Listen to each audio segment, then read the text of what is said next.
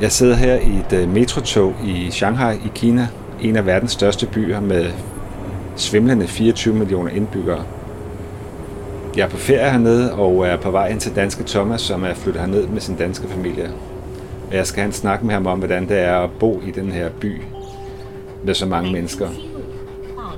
Rundt omkring mig her i tog, der øh, sidder udelukkende kinesere. Jeg er den eneste turist med tog, tror jeg. Og omkring mig, der er der fyldt med reklamer og skærme for kinesiske produkter, jeg aldrig har hørt om. Men som formentlig er meget kendte brands hernede. Folk de sidder med deres mobiltelefoner, og alle er velklædte. Og her er super rent i toget. Her er ikke nogen, der sidder med fødderne op på sæderne. Det er det hele taget en ret vild metro, det her.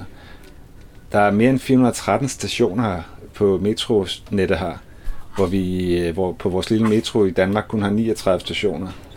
Og der er 10 millioner mennesker, der tager det her, metro om, det her metrotog om dagen. Det løber op i 3,7 milliarder passagerer om året. Det er jo helt vildt.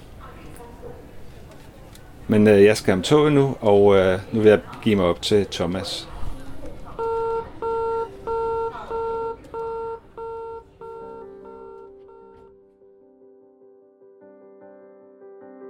Hej og velkommen til. Jeg hedder Per Sommer, og jeg er din vært her på rejsepodcasten fra rejsebloggen Taste the World. Taste the World er min personlige rejseblog og podcast, hvor jeg gerne vil formidle unikke rejseoplevelser og forhåbentlig give dig inspiration til dine næste rejser. I denne her episode der øh, skal vi til Shanghai, som jeg besøgte i starten af december 2019. Det vil sige, at alle de her optagelser er lavet før verden gik at lave, og coronakrisen ramte os alle. På det her tidspunkt var der stadig ingen officielle tal for coronasmitte i Kina. Det var først i slutningen af december, at Kina officielt meddelte, at de var ramt af coronasmitten. Af samme grund så taler vi heller ikke om coronasmitten i den her øh, podcast, øh, for vi vidste ikke noget om det, da vi mødtes, Thomas og mig. Og min gæst er nemlig Thomas Larsen Spad, som flyttede med hele sin familie til Shanghai sidste år. I øh, den her episode, der skal vi øh, høre, hvorfor øh, Thomas og hans familie valgte at flytte herned med sine tre teenagebørn. Hvad var baggrunden for deres beslutning? Og blev de mødt af det kendte kinesiske kulturschok, da de flyttede til byen? Vi vil også komme ind på, hvordan det er at have en hverdag som dansker i den her store by. Hvad har været godt og fantastisk, og hvad har været svært at vende sig til? Og så vil Thomas selvfølgelig også komme med masser af gode tips til dig, som overvejer at besøge denne kinesiske millionby. Vi omtaler en masse øh, apps og tips og tricks, og dem øh, kan du efterfølgende finde i show notes på min hjemmeside tastetheworld.dk. Men lad os komme i gang med dagens afsnit. Jeg sidder her i Shanghai sammen med Thomas Larsen Spæt, og du har været så venlig at tage imod mig og fortælle lidt om, hvordan det er at bo her i den her kæmpe by. Ja, Kan du ikke fortælle lidt om dig selv? jo, øh, jamen jeg hedder jo Thomas, og jeg er flyttet hertil for cirka fire måneder siden med min familie. Og øh, har øh, så boet her i den her lejlighed, som vi sidder i her i tre måneder, snart i 100 dage, så det skal vi lige markere næste, næste weekend, hvor vi laver noget house, housewarming warming for vores naboer og nogle venner. Så, øh, så det er jo helt nyt for os at være her i Shanghai, og øh, jeg er kommet hertil øh, sammen med min kone, fordi at hun har fået arbejde øh, her og arbejder for Lego her. Og vi har taget vores tre teenagebørn med. Så øh, vi har solgt huset og rykket teltpælene op og så taget afsted for at se, hvad det her det er for et eventyr for os. Det, var, det er jo en stor beslutning at tage hele familien med til et fremmedland, og så et fremmedland som Kina. Ja, Hvad, hvad har I gjort jer overvejelse, inden I tog den store beslutning? Jamen, der var ingen af os, der havde været i Kina før. Så, øh, så man kan sige, at rigtig meget var uvist for os. Og øh, så før vi egentlig tog beslutningen, så var der selvfølgelig en masse snak derhjemme, og vi inddrog faktisk også børnene ret tidligt. Øh, jeg tror faktisk lige nuagtigt, det var et år siden i dag, ja, noget i den, i den retning, øh, hvor min kone Sande så fik første sådan henvendelser om, om det måske kunne være noget. Det var sådan lige op til jul, øh, og, øh, og så tog vi faktisk snakken med, med børnene relativt kort tid derefter, for bare lige for at veje det, fordi de er tre teenager, og vi skulle jo lige fornemme, hvor er vi henne der? Det skulle være en familiebeslutning. Ret hurtigt så, øh, så tog vi ind en beslutning om, at det skulle være det. Øh, så, øh, Hvad sagde børnene til det, da I bragte den idé frem? Ja, jamen, øh, vores ældste, han var så bare sådan straks den aften, eller den dag, vi snakkede om det første gang, øh, så var han, gik han straks i gang med at researche på Shanghai og Kina osv. videre. Og øh, de to andre, der var sådan lidt, at øh, der, der var den ene var på efterskole, havde måske lidt svært ved at lige at se sig selv flytte til Shanghai, for når man er på efterskole, så tror man jo, det er der, hvor verden den er, og den, det er ens kammerater der, dem skal man jo se hele tiden, og så videre. Så, øh, men altså, det for, var faktisk så fint, at, øh, at øh, vores yngste, hun øh, skulle egentlig på efterskole, vores mellemste kom fra efterskole, og vores ældste, han blev student. Så det var egentlig, man kan sige, på mange måder en, en overgangsperiode til noget nyt alligevel. Og hvordan er det så gået, efter I kommer ned i de fire måneder? Er I faldet godt til? Jamen, vi er faldet super hurtigt og super godt til. De to yngste, som jo så er 15 og 16 år, de går på en amerikansk international skole, der hedder SCIS, og de er vant til at tage imod børn, som kommer fra, fra andre lande og måske kommer her for første gang, så de er selvfølgelig rigtig, rigtig dygtige til at fokusere på at sørge for at få givet dem nogle gode relationer og få opbygge øh, deres netværk. Og hvad med dig? Altså, hvad laver du i Danmark, og hvad laver du nu her i Shanghai? Ja, jeg, jeg, var, jeg var den eneste, som måtte sige mit job op, øh, og, og hvor det måske ikke passede rigtig fint, fordi jeg var rigtig glad for at være der, hvor jeg var. I det job, som jeg har været arbejdet i i fire år. Jeg har været arbejdet som øh, projektleder i Sangshus, og Sangshus, det er sådan en, en interessesorganisation, øh, et samarbejdsforum omkring sang, øh, hvor vi arbejder med mange forskellige sangprojekter. Det er sang i mange forskellige afskygninger. Det er sang for unge, det er sang for ældre, det er talentarbejde. Følger du må ikke med. arbejde hernede, vel? Eller? Nej, jeg Nej. må ikke arbejde hernede nu. Men det er faktisk således, at der lige, at der lige er blevet sat gang i, at, øh, at jeg skal have en arbejdstilladelse, for jeg har jeg kunne ikke lade være. Og det vidste jeg godt, da vi tog afsted. Jeg, er, jeg kan ikke ligge på den lade side, så jeg har allerede engageret mig i flere ting, og, øh, og nu, øh, nu skal jeg, er jeg komme til at arbejde sammen med en musikskole, der hedder Rolling Music. Jeg skal lave øh, den første øh, familiemusikfestival i Shanghai næste år. Øh, ja, faktisk den første i Kina. Så der, det er jeg blevet en del af, og øh, det bliver sådan et stort event med ja, mange, mange tusind, 10.000 familier. Du ved ikke, sådan noget China crazy numbers igen, altså det der med rigtig mange mennesker, øh, hvor vi sætter fokus på det med leg, hvor øh, musikskolelederen, som har Rolling Music, øh, har en ambition, og, og det er jo sådan noget, som jeg synes er fantastisk at arbejde med, nemlig om at, at prøve at få leg mere ind, fordi børnene i, i Shanghai, i Kina i det hele taget, jamen, de er under stort pres, fordi øh, vi stadigvæk øh, ser den her et barns øh, fylde øh, rigtig meget, eller hvad kan man sige, det er, det er, jo, det er jo det, der er realiteten i de, langt de fleste familier. Hvis de får børn, så får de et barn, mm. og øh, så skal det barn altså bare have succes. Og det ved børnene. Der er optagelsesprøver til børnehaver, der er til øh, prøver hele vejen igennem. Og når man så er færdig med sin øh, grundskole, så er der simpelthen en test, og hvis man ikke leverer virkelig, virkelig godt til den test, jamen, så kan man ikke komme ind på de rigtige uddannelser osv. Så der er enormt meget pres. Og den filosofi, der er omkring det, det er jo altså, jo mere skolegang, jo mere læring, jo bedre rustet er de. Så de går jo rigtig, rigtig meget i skole, og de går rigtig meget i øh, after school activities, hvor de så får øh, undervisning i alt muligt. Øh, og det er også det, man oplever på musikskolerne, det er, at de går godt nok til musik, og det er jo dejligt kreativt, men det er egentlig mest, fordi de skal blive så gode som overhovedet muligt. Det handler ikke om leg, det handler måske ikke om at være sammen med andre osv. Men vi kan se, at der er, der er måske lidt et nybrud på vej. Altså, der er lidt nogle nye, den kreative klasse begynder også her at fylde mere. Vi var afsted på jazzfestival i september måned, min kone og mig, og der oplevede vi faktisk, at, at der var rigtig mange unge familier, der havde deres små børn med. Det så jeg egentlig, det var jeg meget overrasket over. Det havde jeg egentlig ikke forventet. Men jeg så det, ser det egentlig som et tegn på, at der er måske en forandring, en lille forandring på vej med, at, at øh, det der med, at, øh, at, at familier også gerne vil have et familieliv sammen, alle sammen. Øhm, mere balance, ja, fordi ellers så er det jo rigtig meget sådan, eller i mange familier sådan, at det er bedsteforældrene, der har ansvar for at opdrage børnene, fordi forældrene de er så ude at arbejde til en penge. Så man kan sige, at det, er jo også, det gør jo også, at den der udvikling for børnene måske går lidt langsommere, fordi den kultur og de traditioner, som børnene de møder i det daglige, det er jo fra deres bedsteforældre.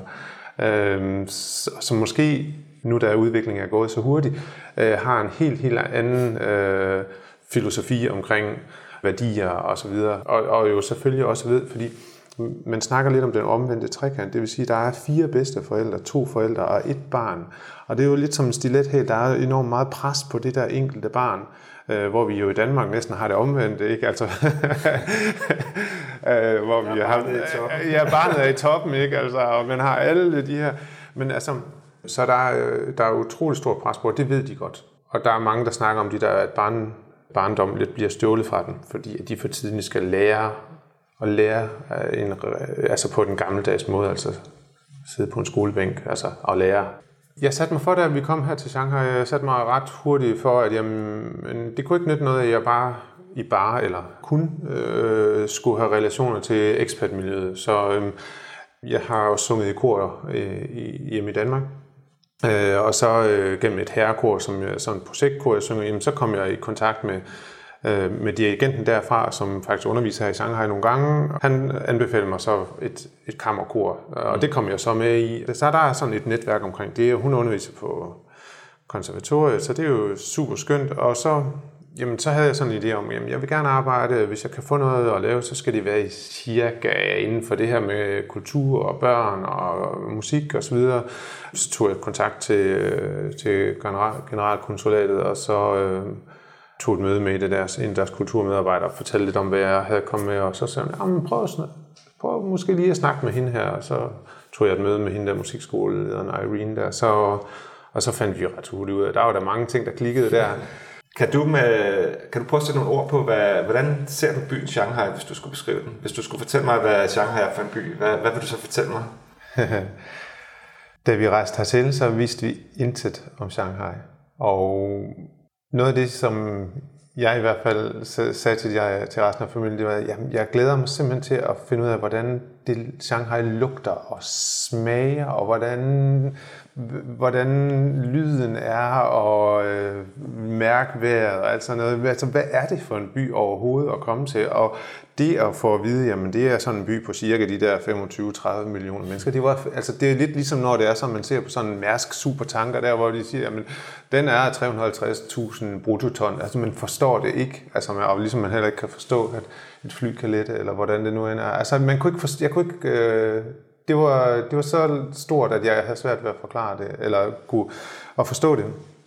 Øh, og jeg husker taxaturen ud fra, øh, fra lufthavnen, hvordan vi nærmede os, bare efterhånden kom tættere og tættere på, på det, vi jo nu sidder i med, med høje bygninger og så videre. Øh, og jamen, der følte jeg mig så lidt som en øh, alien, som var landet et eller andet sted, altså, hvor man kunne ikke læse det, der stod på skilten, og man kunne ikke kommunikere med taxichaufføren, og køre et sted hen, som man ikke vidste, øh, hvordan det så ud.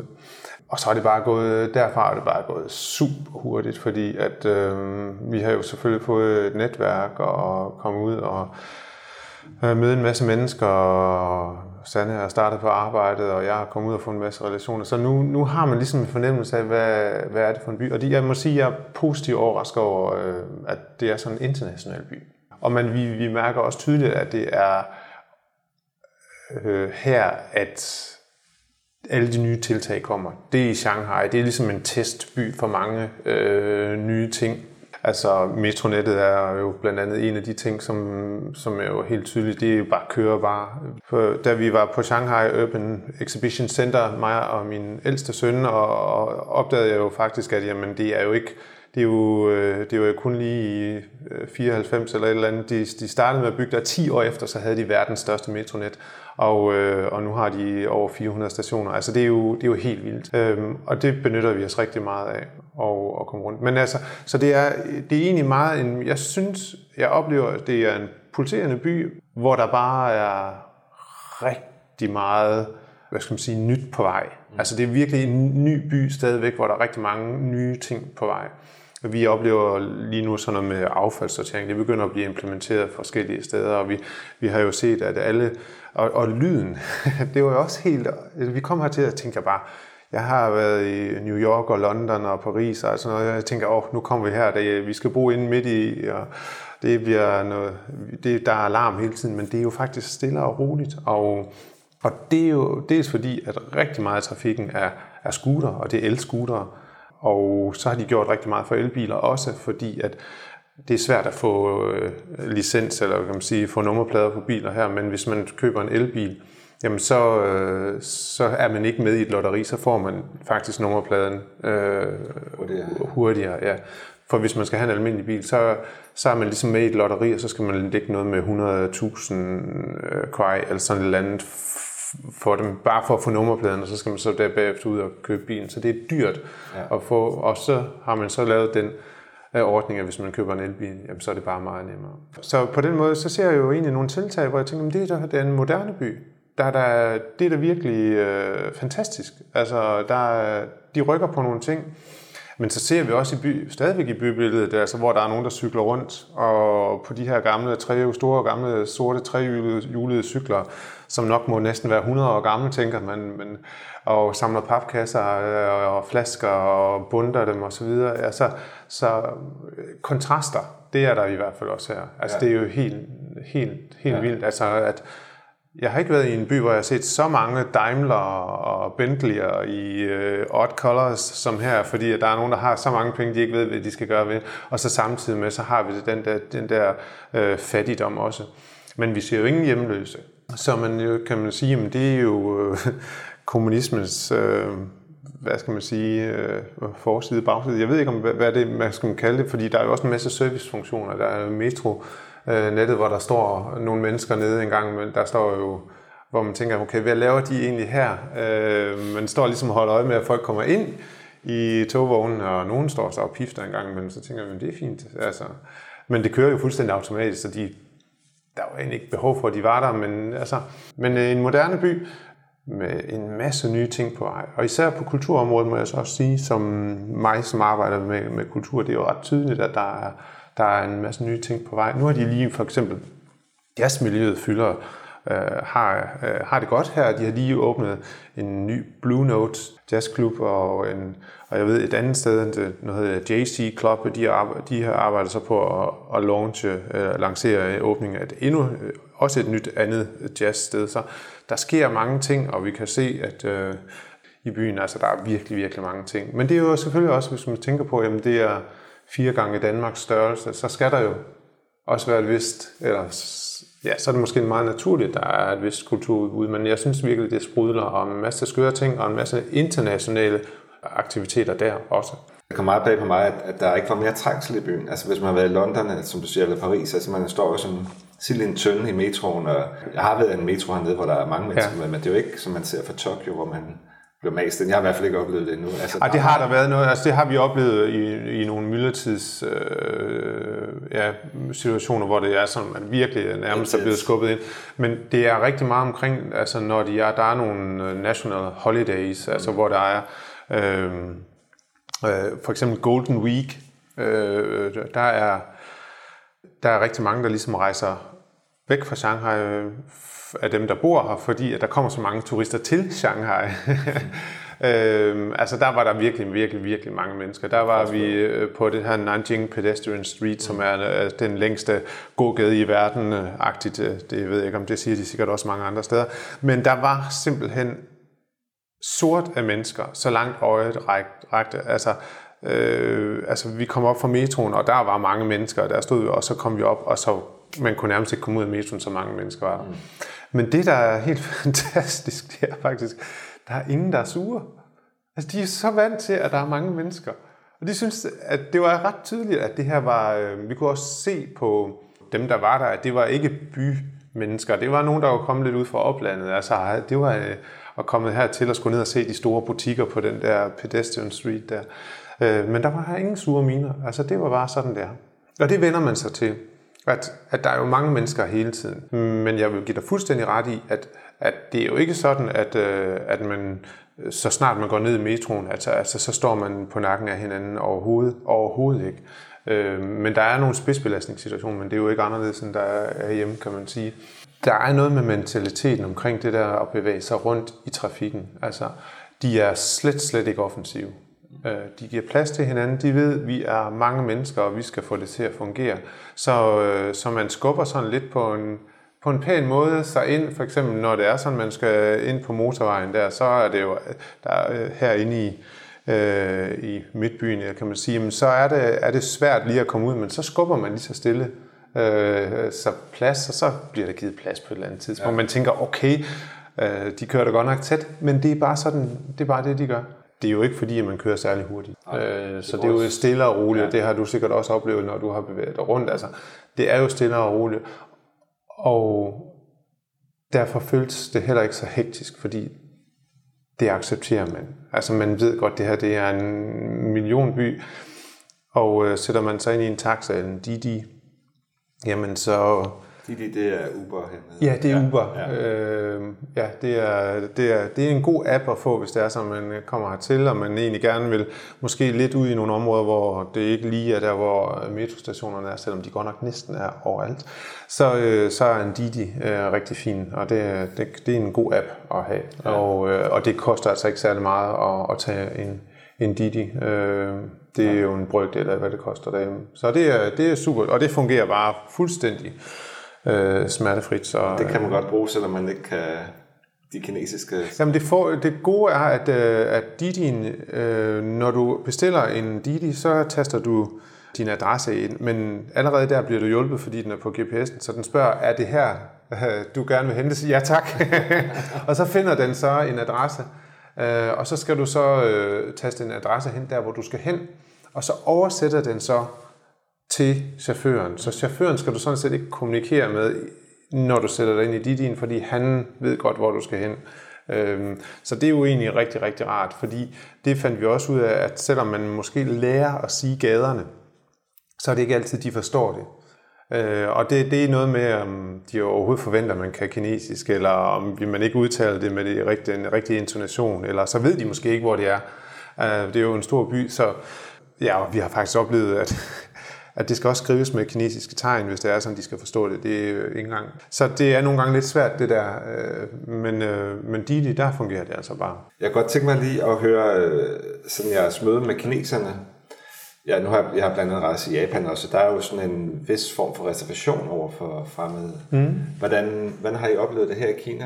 Jeg synes, vi, har, vi, vi møder utrolig mange søde, øh, nysgerrige øh, lokale kinesere og shanghainere. Jeg synes, de er, altså, de er meget smilende og imødekommende, og øh, altså nysgerrighed, det er faktisk noget, nok, nok det ord, jeg vil, øh, jeg, vil, jeg vil sætte på først. De er rigtig, meget, rigtig nysgerrige. Jeg ved, at når min kone hun tager cyklen om morgenen, så er der altid nogen henne og, og, og kigge på hende og sige, okay, du cykler. Altså det er sådan lidt, øh, at du er jo vesterlænding, du cykler, og du cykler på en drengecykel. Altså det er jo helt, så der er altid nogen, som hen og sådan kigge nysgerrig. Altså, og det vil jeg sige, det er sådan lidt, øh, det skal man også lige vende sig til måske, at det, så kommer der nogen, der er nysgerrige på, over for en. Og vi har jo også oplevet at være ude og gå i, øh, på nogle markeder, øh, hvor der så bliver taget lidt billeder af vores børn, fordi at vi ser ud, som vi gør. Øhm, og, og så bliver der smilet og grinet og sådan.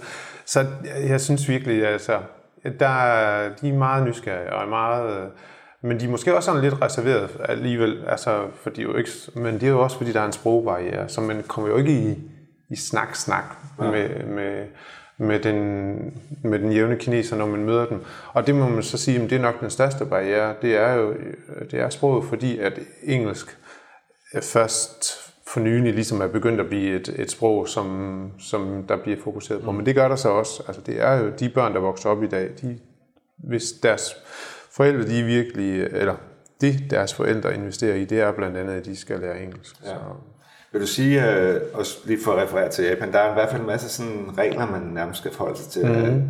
Kulturelle do's and don'ts, mm. jeg nærmest kalde det, at man skal tage skoene af, og Ja. der er ting, man ikke må spørge om. Ja, ja. Og, og har I oplevet noget af det her i Shanghai? Nej.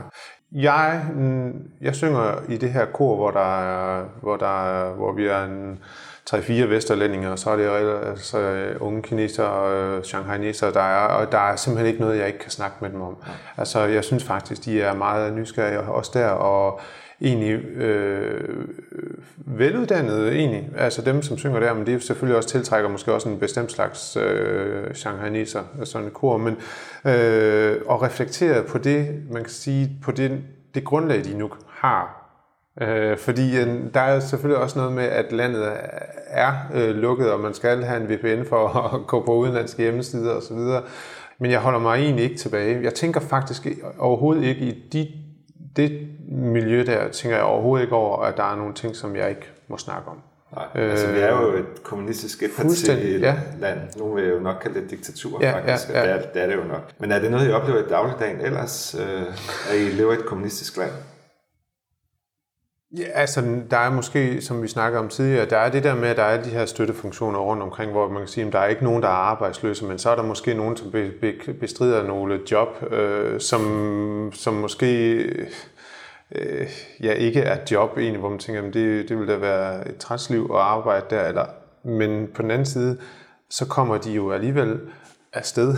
Det kan man sige. Det er jo ikke, altså, der er jo gadefejre over det hele. Øh, der er rigtig mange øh, omkring metroen, og i den ejendom, hvor vi bor her, jamen, der er jo nogen, der står nede ved døren og sidder i receptionen og øh, ude ved en, ved en port osv. Så, videre. så, så der er mange af de der støttefunktioner. Øh, så, så det er måske noget med altså det er jo i hvert fald der, hvor jeg synes, at man kan se, at der er, det er et kommunistisk land, at der er ligesom job til alle, mm. og hvis der er nogen, der ikke har noget, så opfinder vi øh, noget til dem. Og så er der en del byråkrati, altså det må vi så sige, at noget af det, som, som virkelig på et tidspunkt tog pusen rigtig meget for os, og jeg kan mærke det nu igen, hvor jeg skal have arbejdstilladelse, jamen det er det byråkrati omkring dokumentation af øh, min uddannelse og min arbejdssteder, øh, øh, øh altså hvor jeg, jeg skal have dokumenteret, hvor, hvornår jeg har arbejdet hvor og med hvad og så videre. Øhm, øh, og, og så bliver der taget billeder af en rigtig ofte, altså når vi har Øh, da vi kom her til at skulle have SIM-kort til vores telefoner, jamen der, skulle vi jo, der blev jo taget billeder af os. Øhm, der kan man godt mærke, at det er et rigidt system, men så er der jo også på den anden side øh, nogen, som fortæller, jamen det er jo det samme, når udlændingen kommer til Danmark. Altså, de skal også dokumentere sig. Det, tager, det er også en lang proces, og man får ikke bare lov. Så nogle gange glemmer man måske også at sige, øh, sige til sig selv, jamen, hvad kommer jeg selv fra? Mm. Det er bare fordi, jeg står nu i den her situation. Jeg skal fra Danmark til Kina, og det er super besværligt. Jeg skal dokumenteres, der skal tage billeder og så videre. Men hvordan er det en for en kineser at komme til Danmark? Det er fuldstændig det samme. Men ellers så kan man sige, at øh, der er selvfølgelig noget, og det har vi, nu har vi kun været her i, i fire måneder, men der er noget omkring, at der er noget byråkrati også sådan internt i landet, og øh, der er noget med, at man skal kende nogen, der kender nogen. Altså man skal have nogle, det med at have relationer til noget i bystyret eller øh, i partiet, altså det, det er vigtigt. Øh, der er rigtig korruption? Nej, jeg hører ikke om korruption. Altså, og, og, jeg, og det er ikke fordi, jeg, jeg, jeg ved ingenting om korruption, men, men jeg har ikke hørt om noget øh, endnu. Men, men det er meget med netværk. Det er meget med, at man kender nogen, der kender nogen. Og, altså, det er altid godt at kende nogen, lige meget ja, hvor ja, i verden man er. Ja.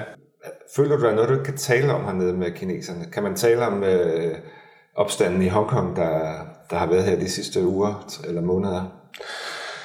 Føler du dig begrænset, eller skal du tænke dig Øhm, vi snakker selvfølgelig om det her hjemme, og det er jo måske ikke det første emne, jeg bringer til, til bords, når det er sådan, jeg sidder med min, øh, min øh, korsanger i, i, i kammerkoret. Eller, men jo, og der, der tænker jeg måske lidt over, at det er betændt, kan man sige. Det er et besværligt emne, så derfor vælger jeg måske ikke. Men det er ikke fordi, jeg ikke øh, det er egentlig ikke fordi, jeg ikke tør snakke om det, men det er egentlig fordi, at det er bare et skidt udgangspunkt for en god snak, at begynde at dunke nogen i hovedet om, at der er noget politisk, der ikke fungerer. Ja, ja. ja. Men altså, jeg er fuldstændig bevidst, men jeg tror egentlig faktisk heller ikke, at alle synes, det er en, det er, er der, øh, der er rigtig mange, der ikke billiger det, men ikke siger det. Øh, det tror jeg, øh, det, det er min oplevelse, at, at dem, som er reflekteret og har, er nysgerrige på, hvad det er, der sker, men det er jo ikke Det er jo ikke nødvendigvis, fordi de billiger det, der sker, øh, men jeg tror egentlig bare, at alle er kede af, at der er den situation det er en svær en situation, som jeg tror for alle, uanset hvor man er, det er svært at se en lykkelig udgang på det på en eller anden måde. Det er igen det der med, når der er træffet nogle beslutning, politiske beslutninger, som ikke øh, har råd i, øh, i befolkningens, øh, eller har, har opbakning blandt befolkningen, så opstår der jo simpelthen den her, øh, den her modstand, som på en eller anden måde så jo bare skal have en gnist for at antænde uroligheder, det er det så her jo så. Så jeg ser egentlig bare så, øh, Hongkong som et eksempel på, når det er sådan, at, at politik og befolkning simpelthen ikke føles ad, så opstår der de her ting, og det er jo der, hvor vi har uro mange andre steder i verden også. Men, men jo, der er selvfølgelig noget der, hvor jeg tænker, jamen det gør jeg, det, det, det, det, det beskæftiger jeg mig ikke med, når det er sådan. Og så må man så sige, at jeg har lige været med til at opføre Hendels Messias, øh, sammen med 280 korsangere. Et projekt, som jeg også lige kom med i, og det, var, det har været helt fantastisk. Og øh, jeg tror, der måske var 30-35 udlændinge med, eller 30-40 udlændinge med i det her store kor, og så var det kinesere. Og det, der jeg så øh, slog mig, det var faktisk, at, at man måtte ikke kalde det øh, Hendels Messias. Så det blev Hendels øh, adventskoraler, øh, fordi det der med Messias, det er jo religiøst. Så, så der er noget omkring det der med, at, at, det, at vise øh, sin religiøse overbevisning, det er måske ikke så øh, lige det, man gør. Det er meget interessant, for jeg har også været i Hongkong, og der er jo templer over det hele, ja. og de brænder ting og sager i de ja. templer. Og jeg tænkte bare her den anden dag, jeg cyklede rundt, vi var ude i en provins, øh, altså det var helt fraværende religion. Der ja. findes jo ikke templer, der findes ingenting nej. Øh, nej. religiøs betydning i nej, hvert fald. Nej. Hvor Kommunistpartiet selvfølgelig har ja. slået hårdt ned på det i sådan ja. en kulturrevolution. Ja, ja, ja, nemlig. Så jeg tror i det hele taget, det der med, med religion, det, det fylder ikke så super meget her, øh, og, og det undgår man helst. Når der er sådan en organisation, som laver øh, stort frivilligt arbejde omkring sådan en koncert her for eksempel, så ved man godt, at det skal vi det skal vi, vi skal prøve at nedtone, at det her det er en religiøst værk, og det betyder ikke noget for dem, der synger jo. Øh, fordi det er jo ikke en religiøs øh, begivenhed, men man skal endelig sørge for, at det ikke kommer til at fremstå som noget religiøst, som man kan komme til at provokere nogen. Føler du, de er oplyst omkring, øh, hvad der sker rundt omkring? Fordi det er jo alt er kontrolleret af, ja. af staten, ja. fjernsyn og radio ja. og internet. Nej, det ved jeg ikke. Nej, jeg, jeg, jeg, jeg tænker, at det er de færreste, som, egentlig, som vi egentlig følger følger med. Og jeg tror egentlig, øh, altså hvis man skal på en udenlandsk hjemmeside, så skal man jo have en VPN og så videre, og jeg tror egentlig, alle ville kunne få de nyheder, hvis det var sådan, eller den information, hvis det var sådan, de var interesseret.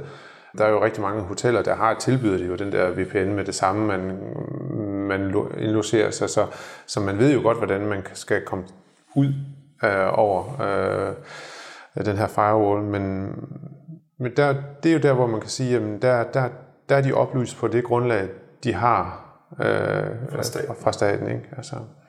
altså nu når vi taler om den her personlige frihed, noget af det, der har ramt mig som turist hernede, det er jo, at der er en masse af de tjenester, vi bruger derhjemme på mobilen, er totalt blokeret hernede. Mm. Øh, det er Google, det er mm. YouTube, det mm. er Instagram, det er Facebook, det er you name it. Altså det er faktisk de apps, jeg bruger allermest.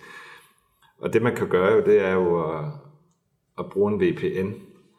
Ja. Jeg er ikke helt selv sikker på, hvad det er, men det er noget med, at man, man lader som om, at man befinder sig i et andet land, selvom man er i Kina. Sådan har jeg i hvert fald forstået det. Er det ikke rigtigt? Jo, altså det er også sådan, som jeg har forstået det. Det vil sige, at man har, man, man har ikke ligesom en fast IPN som adresse, som, som hører til her, men man flytter ligesom det, det punkt, hvor man, man modtager afstand, det flytter man lidt rundt i verden. Ja. Så, så, så, så vi har to VPN'er, som vi, vi bruger her, øh, som vi skifter lidt imellem. Og det, det er jo så det, og selvom og nogle gange så fungerer det bare slet, slet ikke. Altså, øhm, og, og der er noget med, for eksempel øh, havde de i forbindelse med deres National Holiday, der markerede de jo 70-året øh, øh, for dansen, øh, øh, for kulturrevolutionen. Ikke? Så, øh, så, så op til det, der demonstrerede myndighederne ligesom, at øh, deres magt ved at lukke ned for mange af de der øh, VPN'er, eller gøre det meget besværligt. Der oplevede vi simpelthen, at det var meget sværere, vi kunne ingenting.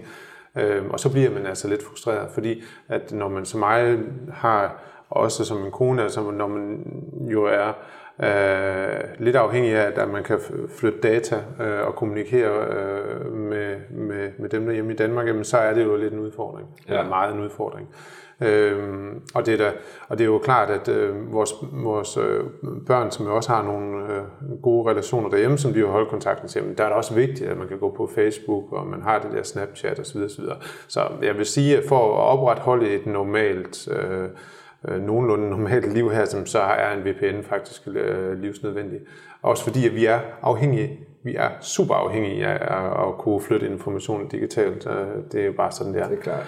Øhm, så, så jo, så vi har øh, VPN'er, øh, som vi har på vores telefoner, og som vi har på vores computer. Så, ja. øh.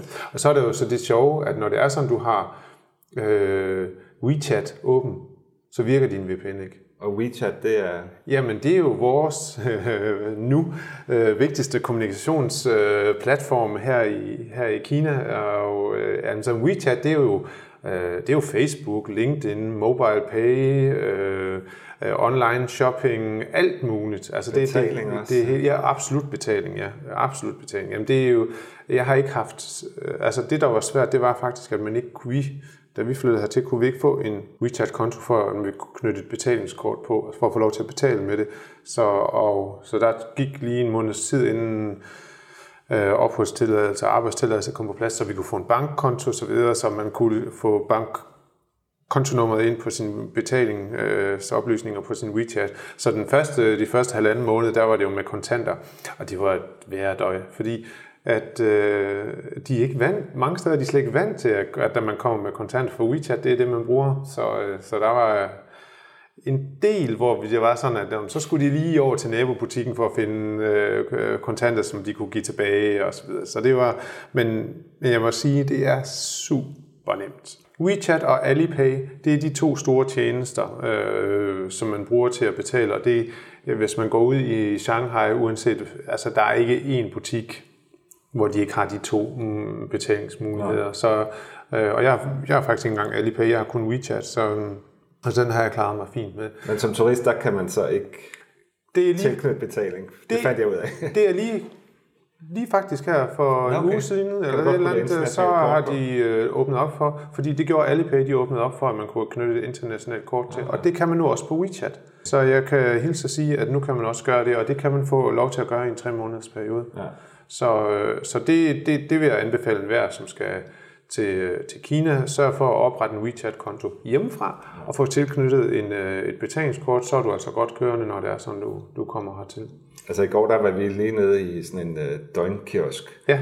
Der var sådan noget skansel, ligesom man også kender fra nogle supermarkeder i Danmark, men uh, man skulle betale med WeChat. Og der var sådan lidt sure mine, fordi de blev nødt til at åbne en, uh, en rigtig kasse for, for at modtage ja. kontanter. Vi var bare, sorry. Ja, undskyld, vi er til besvær. ja, ja. ja. Men ja. de er jo faktisk længere fremme i skoene, synes jeg, med digital betaling end, ja. i Danmark. Der er næsten ikke nogen kontanter, som du siger. Nej. Nej. Øh. Men altså, vi har jo, at der, man kan sige, at der, der er der måske også, at der er de også øh, mindre forsigtige, end vi er. Mm. Øh, vi oplevede faktisk en situation, øh, det er fordi, at jeg vil gerne, jeg havde et flyl derhjemme, som jeg blev nødt til at opgive og tage med herud, så skulle jeg have et klaver, og så var det kun min kones øh, konto, jo, der, der virkede. Så, øh, men du ved, så overfører man lige på WeChat øh, de 30.000, det koster, og det, der er ikke der er ikke nogen sikkerhed i det. Nej. Det er bare afsted med det. Ikke? Altså, så er det ikke engang sådan, at man skal have ligesom en to-faktor godkendelse, eller hvad pokker, eller nem idé ting. Altså, har man sin WeChat-konto, så kan man altså... Jeg, jeg, jeg kender simpelthen ikke den øvre grænse. Nej, og altså, det er rent praktisk, scanner man bare sådan en ja. QR-kode. Ja. Bum, så betaler ja. man. Ja. ja. alle steder, togene og... Fuldstændig, fuldstændig. Busserne og, og, og, og, og man kan jo så gøre det, at man enten ja, så kan man, man kan blive scannet, eller man kan scanne QR-koden. Så QR-koderne øh, er øh, jo enormt brugt her i, i Kina. Det var ligesom om, det blomstrede lidt op i Danmark for hvad? Var det 10-15 år, 10 år siden måske? Ja, ja. 10 år siden. Der var QR-koden sådan lidt, så troede man måske, og så døde de jo lidt ret hurtigt, men, men altså QR-koden, de blev brugt til alt her. Ja. Og, og, og jeg vil så sige, at det er jo også noget af det, som jeg har, er blevet meget, meget overrasket over, det er, at øh, alle har en telefon. Mm. Alle har mindst en telefon. Og det kan du også se nede i metroen, når det er sådan, man kan se ned, nu er jeg jo så i en 92, så jeg kan typisk sådan lige, og du er også en god højde, så når det er sådan, men så kan man sådan tydeligt se, øh, gennem hele togstammen, hvor altså, næsten alle sidder med telefoner. Ja. Og de laver, de streamer content eller kommunikerer hele tiden. Altså det, det, det, det digitale, det er de bare taget til sig lynhurtigt. Og de har 5G også. Så, ja. Fuldstændig. Det meget kører jo bare. Data, ja. Ja, så man, hvis man lige, jeg, jeg kan godt lide at stå og smugkigge lidt på, hvad det egentlig er. Så, altså, de, de, det er alt muligt. Altså, lige fra dumme hundevideoer til, øh, til serier, helt sikkert. Og ja. nogle spiller, rigtig mange spiller faktisk hele tiden, når de går og alt muligt. Øhm, og, og også det der med, at de, og de går også på telefonen, så stopper de så bare op, fordi der lige er noget. Så, så, og det er man også bare, det er der ingen, der er sure over her. Nej, altså, det er også bare en del af dagliglivet. Det er, at alle går rundt med en telefon, og så stopper man lige op, fordi man skal skrive eller et eller andet, øh, eller spiller eller et eller andet. Så man, det, det vil jeg sige, det, det har overrasket mig også rigtig meget ved at være her. Det er, hvor meget øh, de er på deres telefoner, og hvor meget digitalt indhold mm. de, de får hver dag. Så man kan sige, at, at det er også klart, at dem, der ligesom og, nu, og det er jo der, hvor jeg egentlig slet ikke overhovedet endnu har forstået, jamen, hvor, hvor, meget, hvor, hvor frit er det der digitale indhold? Altså, er det noget, nogen bestemmer? Hvor, hvem, hvem bestemmer, hvad der må lægges ud, og, og hvem der må tilgå hvad? Altså, det, det, det kan jeg slet ikke... Øh, øh, men jeg fornemmer egentlig, at inden for Kina, altså der er der næsten ingen restriktioner. Der kan du pumpe Gør, vil. det indhold ud øh, på, på ja. de digitale platforme, du har lyst til. Så, øh, Jeg vil også som turist anbefale, at man faktisk går ned til, jeg tror hedder China Mobile. Der ja, China Mobile. Jeg købte et uh, kinesisk SIM-kort, Ja. med, og vi gav, jeg gav 30 RMB eller Ja. yuan, som ja. svarer til 30 kroner, Ja. Ja. for en uge med unlimited data. Ja, Altså, det er det, man skal gøre. fordi det er også godt at have det, når man skal vise vej, øh, Ja. eller finde vej til forskellige steder. Ja, altså det er jo faktisk noget af det, som, som jeg stadigvæk bruger, det er egentlig, at jeg har både øh, på min telefon, der er jo en map-funktion, den fungerer, den fungerer stadigvæk, også selvom man ikke er på VPN, så det er jo rigtig fint, men den er ikke super nøjagtig, vil jeg er så sige. ja, ja, kort. Ja.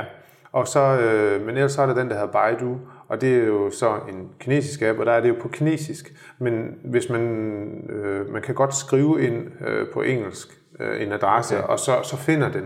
Men det, der er lidt af udfordringen der, det er, hvis man nu kommer til nogle gader, og man skal prøve at læse gadenavnene, så, så er man lidt på den, fordi man Ja. ikke lige kan læse. Men den er faktisk super nøjagtig. Og det gode ved den er, at øh, når det er sådan, at du går rundt i Shanghai, øh, eller kører rundt, eller cykler rundt, jamen så er det så lidt, der er nogle steder, du ikke må cykle. Og der er nogle steder, du ikke må køre på scooter. Så kan du indstille den til, er jeg på cykel, eller er jeg på gåben, eller er jeg på scooter, eller, eller hvad er jeg? Så, eller vil jeg på metro, øh, vil jeg køre med metroen. Øh, så, så, så kan den guide i forhold til det, Ja. og det er super smart, for det kan den anden app nemlig ikke. Nej. Og der har jeg nogle gange i starten, hvor, jeg havde, hvor vi fik scooter, jamen så havnede man lidt i nogle dumme situationer, fordi man kørte derude på nogle motorveje, som man egentlig ikke måtte køre, og så, så får man bøder og alt sådan noget. Det er jo noget værre noget. Ja. Og i, øvrigt, det der med scooter, det er altså også sjovt. En sjov historie, det er, at man må ikke køre to på en scooter. Nej. Det er der rigtig mange, der gør. Men jo, det må du, hvis du har nogen med, der er under 12, eller over 80. så, øh, så det er sådan lidt, de er meget unge, eller de er meget ældre, de må, de må godt sidde der. Så, øh, og, og der har vi vores børn, de er også allerede, de blev stoppet to gange i går faktisk, fordi at øh, Ingeborg, der er 15, hun sad så bag, ved, bag på Sigurd, fordi vi skulle ud, og vi havde vi planlagt, at vi skulle ud og spise sammen, og vi gik, og så børnene, de kørte på deres scooter, så blev de stoppet to gange, og så og så, så diskuterede de lidt frem og tilbage, og så sagde Sigurd, jamen, jamen hun er 12, okay. Så gik det, altså et sekund, okay, kør bare. Og det gjorde de så to gange. Ikke? Altså, ja.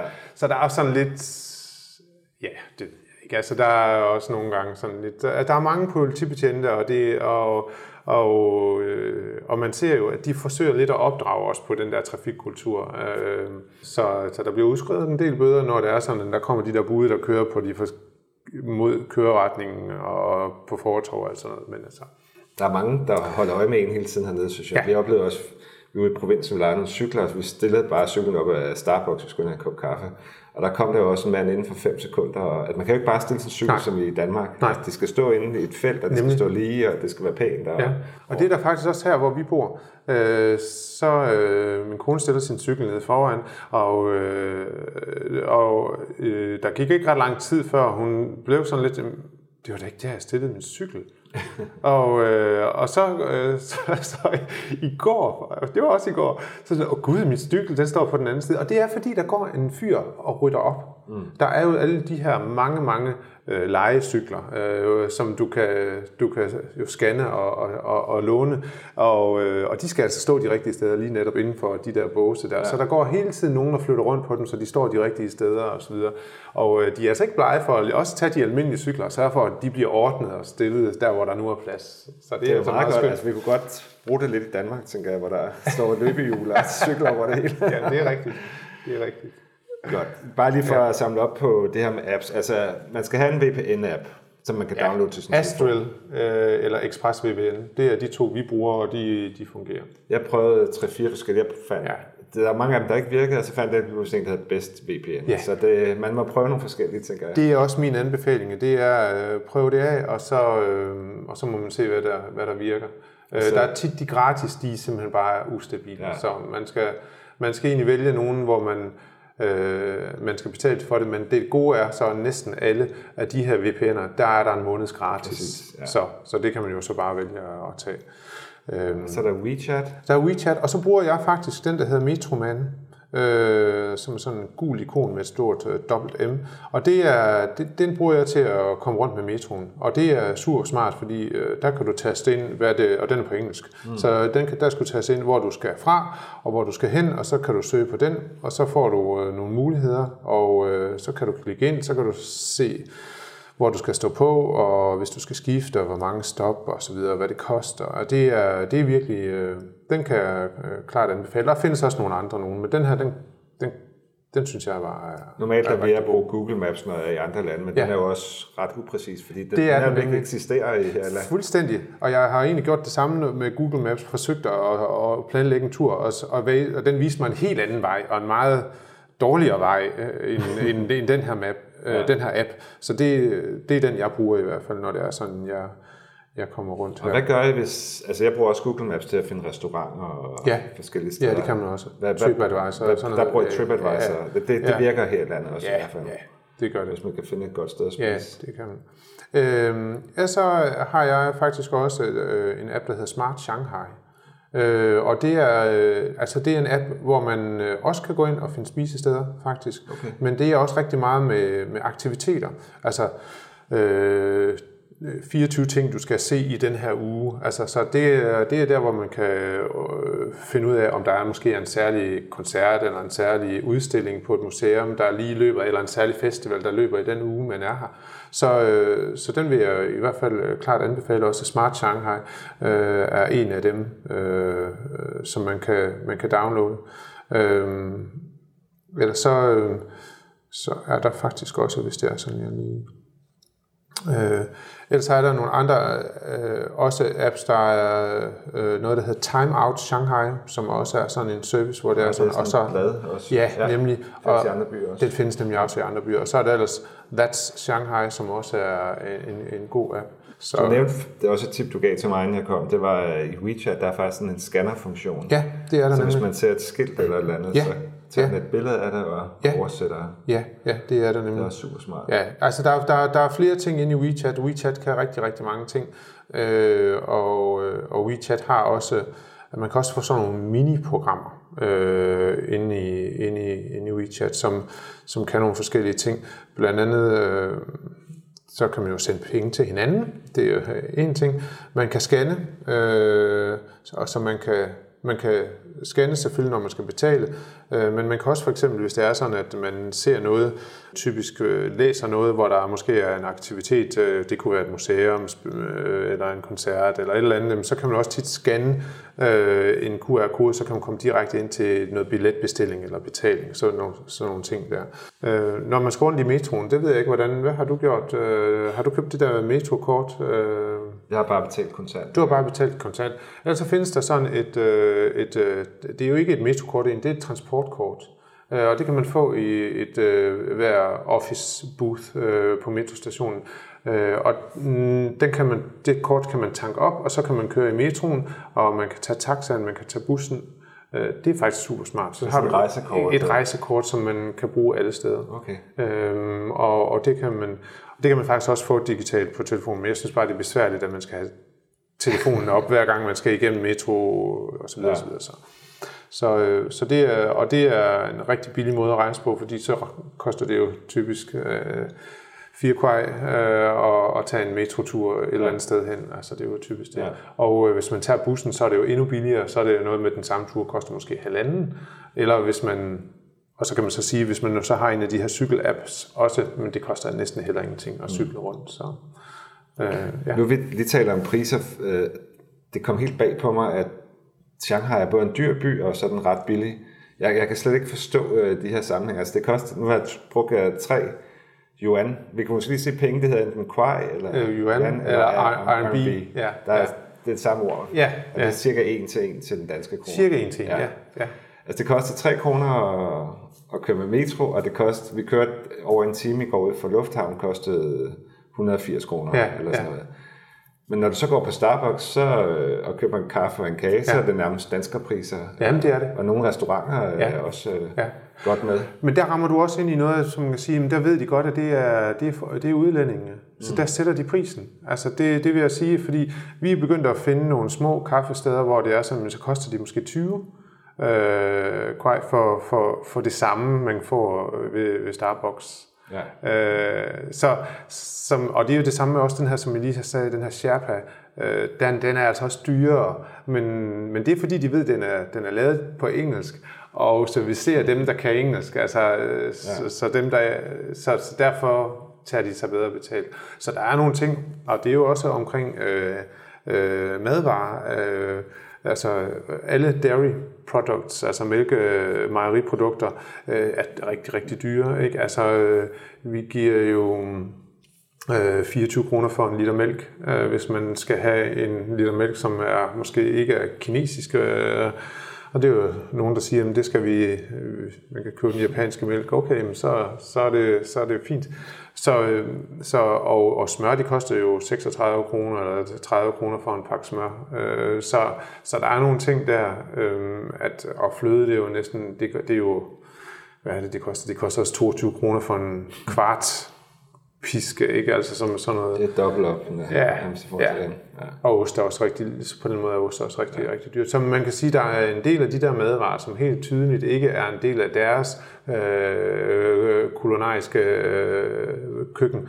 Jamen, det, det kommer man virkelig til at betale ja. for. Og det er også derfor, at det er jo det, bare med at være nysgerrig, med at komme, komme ud og se, hvad er det så for nogle lokale produkter, man kan, Ja. man kan købe i stedet for. Jeg blev i hvert fald meget overrasket over også, øh, en flybillet er ret dyr. Ja. fløj i går fra provinsen. Og, Ja. og ja, der er nogle ting, der er dyre, og der er Ja. også nogle restauranter, hvor jeg tænkte, det her er jo næsten danske priser. Måske Ja. 80 procent af en dansk Ja, restaurant, ja, ja. Hvor jeg måske forventer, ligesom i Thailand, hvor du kan Ja. få en middag for 20 kroner næsten. Ja. Altså, det kan man ikke her i byen i hvert fald. Jo, det kan man godt. Det kan man Men godt, altså, der er de der mamma som papas, eller hvad, hvad de kalder, altså, hvor det er sådan, at det er jo sådan en lille familiebiks, og så går man ind, altså så koster det, så giver man måske øh, 30-40 kroner for at få dagens ret, ikke? Mm. Og, og det kan man sagtens få. Det okay. kan man altså virkelig få, øh, sagtens få. Min søn, som går på Donghua Universitetet, jamen, når de er i kantinen derude, så giver de noget med 10-12 øh, for, for, for, for, en, for en frokost. Så man kan sige, det er også, nu bor vi herinde i det, der hedder øh, former French Concession, og det er et, øh, et, jamen det er et dyrt område. Så der kommer man selvfølgelig til at betale noget mere, når man går på en, på en restaurant. Det er, men man skal altså ikke gå ret langt, for man begynder at komme til de der lidt Skal bare kigge efter det. Ja, Ja. og, og måske også at sige, okay, her står det hele på, på kinesisk, men der er nogle gode billeder, lad os prøve det. Ja. Og, og så får man altså nogle sjove oplevelser. Øh, Min søn og mig, vi, øh, en, de første gange, vi var ude, der var været vi et sted, og så tænkte vi, hvad, skal vi ikke prøve, det der bullfrog, det, er det, det, er det, det lyder da meget sjovt. Ikke? Skal vi ikke prøve bullfrog? Det har vi jo aldrig smagt før. Og så spurgte hun, om den skulle være stærk, så ja, det må den da gerne være. Ja, ja, øh, dui, dui. Og øh, så gik der, så fik vi jo en kæmpe skål fuld øh, øh, bullfrog med en masse grønne og røde grøntsager i, der, som vi så fandt ud af, at det var chili og hele bundet. og så kunne man godt se, at de stod og grinede lidt i skægget, øh, men, øh, men det smagte faktisk rigtig, rigtig godt. Og det er en Øh, vi- frø, eller hvad? Ja, ja, det er var- oksefrø. Okay. Og det, det er faktisk en del af deres øh, øh, cuisine her, at man kan få oksefrø. Det, er- jeg kan anbefale det, er faktisk rigtig lækkert. Ja. Øh, men man, og det er også igen det der med, det kinesiske køkken, fordi man kommer altså til at sidde, du ved, så har de choppet de lidt. Det er jo ikke sådan nogle fine udskæringer, så de har måske sådan lige choppet den der bullfrog lidt i stykker, og så den bare kommet i, så man sidder lidt og spytter nogle, nogle benstykker ud, og sådan, i hvert fald nogle steder. Så har vi også prøvet det andre steder, hvor det er lidt mere fint skåret ud, kan man mm. sige. Så der er jo noget med, at man spiser med pinde, så der er jo noget med, at den måde, man spiser på, er lidt anderledes end derhjemme, og man vil opleve, at folk de sidder og spytter noget mere, end man gør derhjemme. Og vi oplever også, at folk de bøvser. Altså, det må vi jo sige, og det er jo bare... Altså, det er jo nok der, hvor jeg lige tænker, oh, det har jeg måske lidt svært ved at abstrahere fra, men det, det gør man. Øh, og det, det er bare sådan helt naturligt. Der er jo en masse madvarer, man ikke sætter, altså hønsefødder og ja, der, og de spiser meget mere, kan jeg se. Der ja, altså man, det, det er jo det der med, der er hønsefødder, der er øh, kroser og lever og grisetryn, og jeg ved snart ikke hvad, og, og ja, og ja. grisetær og så videre. Så der man kan sige, at, det, at, at på en eller anden måde, så må man egentlig respektere dem, for de bruger altså hele dyret. Altså, og der kan man jo sige, at der er vi bare blevet for fine et, et eller andet sted til ikke at bruge hele dyret. Vi tager kun de fine udskæringer. Og det er måske set i sådan en overordnet globalt perspektiv, det er jo for pokker egentlig heller ikke holdbart, at, at, at vi ikke vil vi, jeg synes egentlig, vi skal være glade for, at, at vi kan eksportere, at vi kan eksportere mange dele, de dele, vi ikke selv spiser. Øhm, så, så jo, der er der helt sikkert en masse øh, øh, anderledes madvarer her, og en, og en helt anden måde at, at, og, at lave med på her også øh, end hjemme. Og så det, det, det, det prøver vi sådan ligesom, vi prøver at, at se, om vi kan, vi kan lære lidt en gang. Men, men generelt er standarden jo meget høj. Altså, det jeg har i hvert fald ikke haft dårlig mave hernede nu. Og, altså, det, Nej. det virker meget sådan ordentligt, synes jeg faktisk. Jamen igen der, der vil jeg sige, at det er jo ligesom i alle andre store byer. Altså man kan se, man kan komme nogle steder hen, hvor man tænker, okay, det ser sgu lidt snusket ud. Ja. Ikke? Altså, og, og ham, der står bag disken, hans øh, forklæder er måske ikke lige blevet vasket de sidste 14 dage osv., så, så holder man sig væk. Ikke? Altså, øh, men altså, jeg har ikke noget... Øh, men jeg synes faktisk, som du selv siger, mange også selv de steder, som er nogle små boder, der er masser af steder, hvor det bare ser rigtig lækkert ud, altså, og, og, og hvor folk står i kø, det har du nok også oplevet, altså folk står virkelig i kø ja. i, i, langt hen ad gaden for at komme hen og købe sin frokost, øh, og så køber de jo de der poser med, men der er rigtig meget kød, mm. øh, ved jeg ikke, om du har lagt mærke til, jeg synes, det er rigtig meget kød, når ja. det er i deres fast food, altså, det er nemlig øh, hønsefødder og, og kroser og lever, og jeg ved snart ikke hvad, sådan nogle, øh, eller, eller øh, øh, vinger eller et eller andet, altså, og så har de jo hele dyr, Mm. Altså, det ved jeg, vi, vores unger var måske en af de første gange, vi var ude at spise, der kom vi ind et meget lokalt sted, hvor de slet ikke kunne et ord engelsk, øh, og, og vi havde svært ved at kommunikere, og så pegede vi jo bare på noget, og så videre, og så videre, og så kom der jo ind, så var det jo en hel kylling med hoved og det hele, altså, og fisk og det hele, med alt, altså, så, og, og det er jo igen, det, vi, vi er jo bare blevet for civiliserede. Vi mm. ser jo ikke hele dyret, når det er sådan, det kommer ind. Det kan, øh, jeg kan i hvert fald huske, at min datter var sådan lidt, hun synes, det var sådan lidt, så lå der det der hoved og kiggede på hende og så videre. Men altså, ja, det, øh, det er jo det sådan, er en hele oplevelse med ja, maden i ja. hvert fald. Jeg kunne godt tænke mig lige at slutte af med at spørge, øh, hvis der nu sidder nogle familier derhjemme, der ja. måske dels har, har fået tilbudt at rejse ud, som I har gjort. Øh, ja. Har du sådan par gode råd på falderæbet, når man skal tænke over at overveje, hvis man gerne vil ud og bo. Ikke nødvendigvis i Kina, men bare det med at flytte ud som dansk familie. Jamen altså, vi har, en, jeg ved ikke, om der er nogle særlig øh, gode råd, øh, men måske med at tage beslutninger, så bare så gør det til det rigtige, kan man sige. Fordi man kan sige, man kan, hvis vi var, havde været rigtig forsigtige og så videre, så videre, jamen så havde vi måske ikke lige så hurtigt kommet. Jeg synes, vi er nået utrolig langt på de her 3-4 måneder, vi har været her. Så vi har egentlig også givet det 100% og sagt, jamen så er det her, vi er.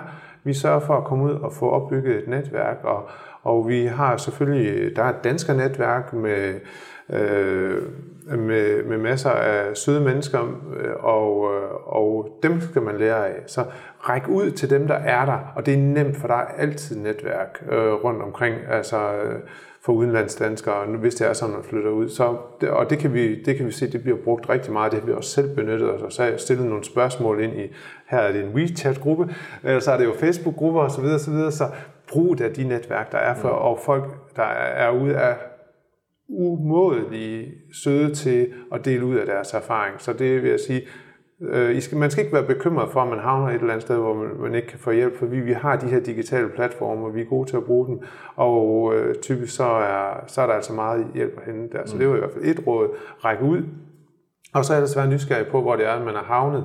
Øh, vi gør jo rigtig meget det, men så går man bare en, en tur, og det er også det der, hvad er det, hvad skal man gå efter i Shanghai? Hvad skal man opleve i Shanghai? Jamen bare det at gå ud og gå en tur, og så måske ikke lige have noget mål for den tur, men bare være nysgerrig på at gå lidt rundt i området, og så bliver cirklerne jo større og større, man ser nogle butikker, der er spændende, man går ind i osv. Øh, altså det synes jeg jo faktisk også er, er noget, som har givet os rigtig meget. Øh, for vi har egentlig ikke haft så mange planlagte ting, øh, Øh, de her første fire måneder, vi har været her. Vi har egentlig bare som, så skal vi, skal vi tage ud og spise, jamen lad os prøve et eller andet, vi finder noget, eller øh, så har der været nogle museumsbesøg og så videre, det har været rigtig fint. Men, altså, men bare det at gå en tur her en aften, og været omkring parkerne, hvor de står og danser. Altså, det er jo helt fantastisk. Altså, der, de bruger jo parkerne. Og så står der sådan nogle, jamen, altså, jeg tænker, at gennemsnitsalderen, den er jo 70 på sådan en gruppe, der står der og laver sådan noget bedste hiphop, altså til et eller andet uh, tacky musik, men det er da super skønt. Altså, jeg synes faktisk, at det er jo, at det bliver man da helt glad i låget over at se de der ældre mennesker, som står der og, og danser. Og det gør de altså mange steder. Eller om morgenen, om formiddagen, så er der nogen, der står og laver tai chi. Så man kan sige, noget af det, som også er her i Shanghai, det er det der med, at de bruger byen, de bruger parkerne. Altså de bruger rigtig meget, fordi man er presset måske på sit, det, det rum, den rum, eller det, det plads, man har hjemme i sin egen øh, bolig. Altså, så går man ud og lever livet på gaden. Ja, ja, altså, eller især ude i parkerne. Ja. Det synes jeg ja. faktisk er, er, er rigtig skønt. Men jeg vil så vil jeg også bare sige, at man skal ikke være bekymret. Altså, vi har tre teenager, så altså, det er bare gået super hurtigt med, at de har fået nogle, nogle nye venner, og, fået, og det, det er jo venner fra alle mulige lande. Altså min søn, som går på universitetet, han har går i en klasse med, med, jeg tror de er 19 eller sådan noget, og de er 13 forskellige nationaliteter, så det er jo et meget internationalt miljø, og der, der tror kun, der er tre øh, andre vesteuropæere i, i den klasse. Ikke? Så. Det er en sikker by også. Altså man føler sig utroligt tryg. Altså man kan sige, der er det der med, kam- med, med overvågning og med kameraer alle steder, og nu er det jo også, øh, jeg ved ikke om du har opdaget, at de har lavet de her fodgængerovergange, hvor man bliver shamed med et billede, hvis det er, så man går over Øh, og, op og hænge lidt Ja, og der er det der, ja, ja. Og, øh, og der er det der med, om man, øh, at man, øh, man, bliver, man får de her sociale point her, hvis det er sådan, eller man bliver straffet, hvis man ikke man overtræder reglerne. Og det, det, på en eller anden måde, så, så er det jo selvfølgelig bekymrende, fordi at der sidder nogen et eller andet sted og samler alle oplysninger. Det kan man sige, øh, det, det er bekymrende, men på den anden side, så vil jeg sige, at det er sikkert. Mm. Altså vi har, det er så sikkert, og øh, vi, vi er, det er en utrolig tryg by det her. Og vi har intet problem med at sende vores unge hen til nogle kammerater en sen aften eller et eller andet. Det bliver jo mørkt tidligt, så man tænker, hvis man skulle holde alle de unge mennesker inde, når det var sådan, det var mørkt, jamen, så skulle de godt nok være inde i lang tid. Men der er jo ikke noget ved, at de kan tage metroen. Og det kan man sige, det er så fordelen ved hele øh, overvågningssystemet. Altså, Øh, og, og det tænker jeg, at det måske egentlig den bedste måde i forhold til, at man er så mange millioner mennesker, der skal sørge for at finde ud af at, at, at leve sammen på en god måde. Og så er det selvfølgelig altid det der med, jamen, hvad bliver den der overvågning så brugt til? Thomas, vi skal til at slutte. Ja. Øh, mange tak, fordi du havde lyst til at mødes med mig og stille op til det her. Det har været Velbekomme. rigtig, rigtig spændende. ja, tak for det. Det dejligt. Så nåede vi til vejs ende. Jeg håber, du synes, det var udbytterigt, og tak fordi du gad at lytte med. Hvis du kunne lide dagens afsnit og lytter på iTunes podcast app, så vil jeg blive rigtig glad for, at du går ind og giver et like og en kommentar med på vejen. Du kan finde øh, flere øh, rejsepodcasts på min hjemmeside tastetheworld.dk eller i den app, hvor du normalt lytter til, øh, til din podcast. Det var alt, hvad jeg havde for nu, og jeg håber, vi snart lyttes ved igen. Hej hej.